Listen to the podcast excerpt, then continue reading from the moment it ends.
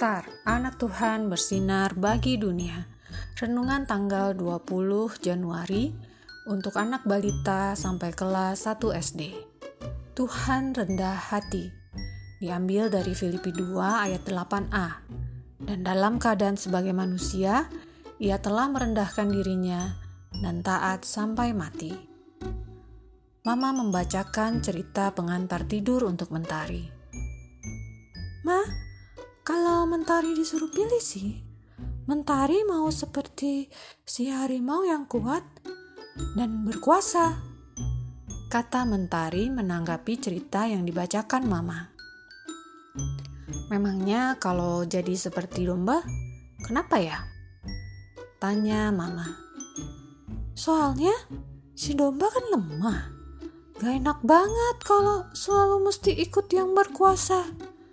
Mending jadi yang berkuasa langsung dong, Mah. Jelas mentari atas pertanyaan Mama. Mau jadi seperti si harimau atau si domba atau siapa pun, selama rendah hati dan mau mementingkan orang lain, Tuhan Yesus akan senang dengan perilaku mentari. Jelas Mama kepada mentari. Adik-adik, kira-kira kenapa ya? Kok Tuhan Yesus tempatkan adik-adik di keluarga adik-adik yang sekarang ini?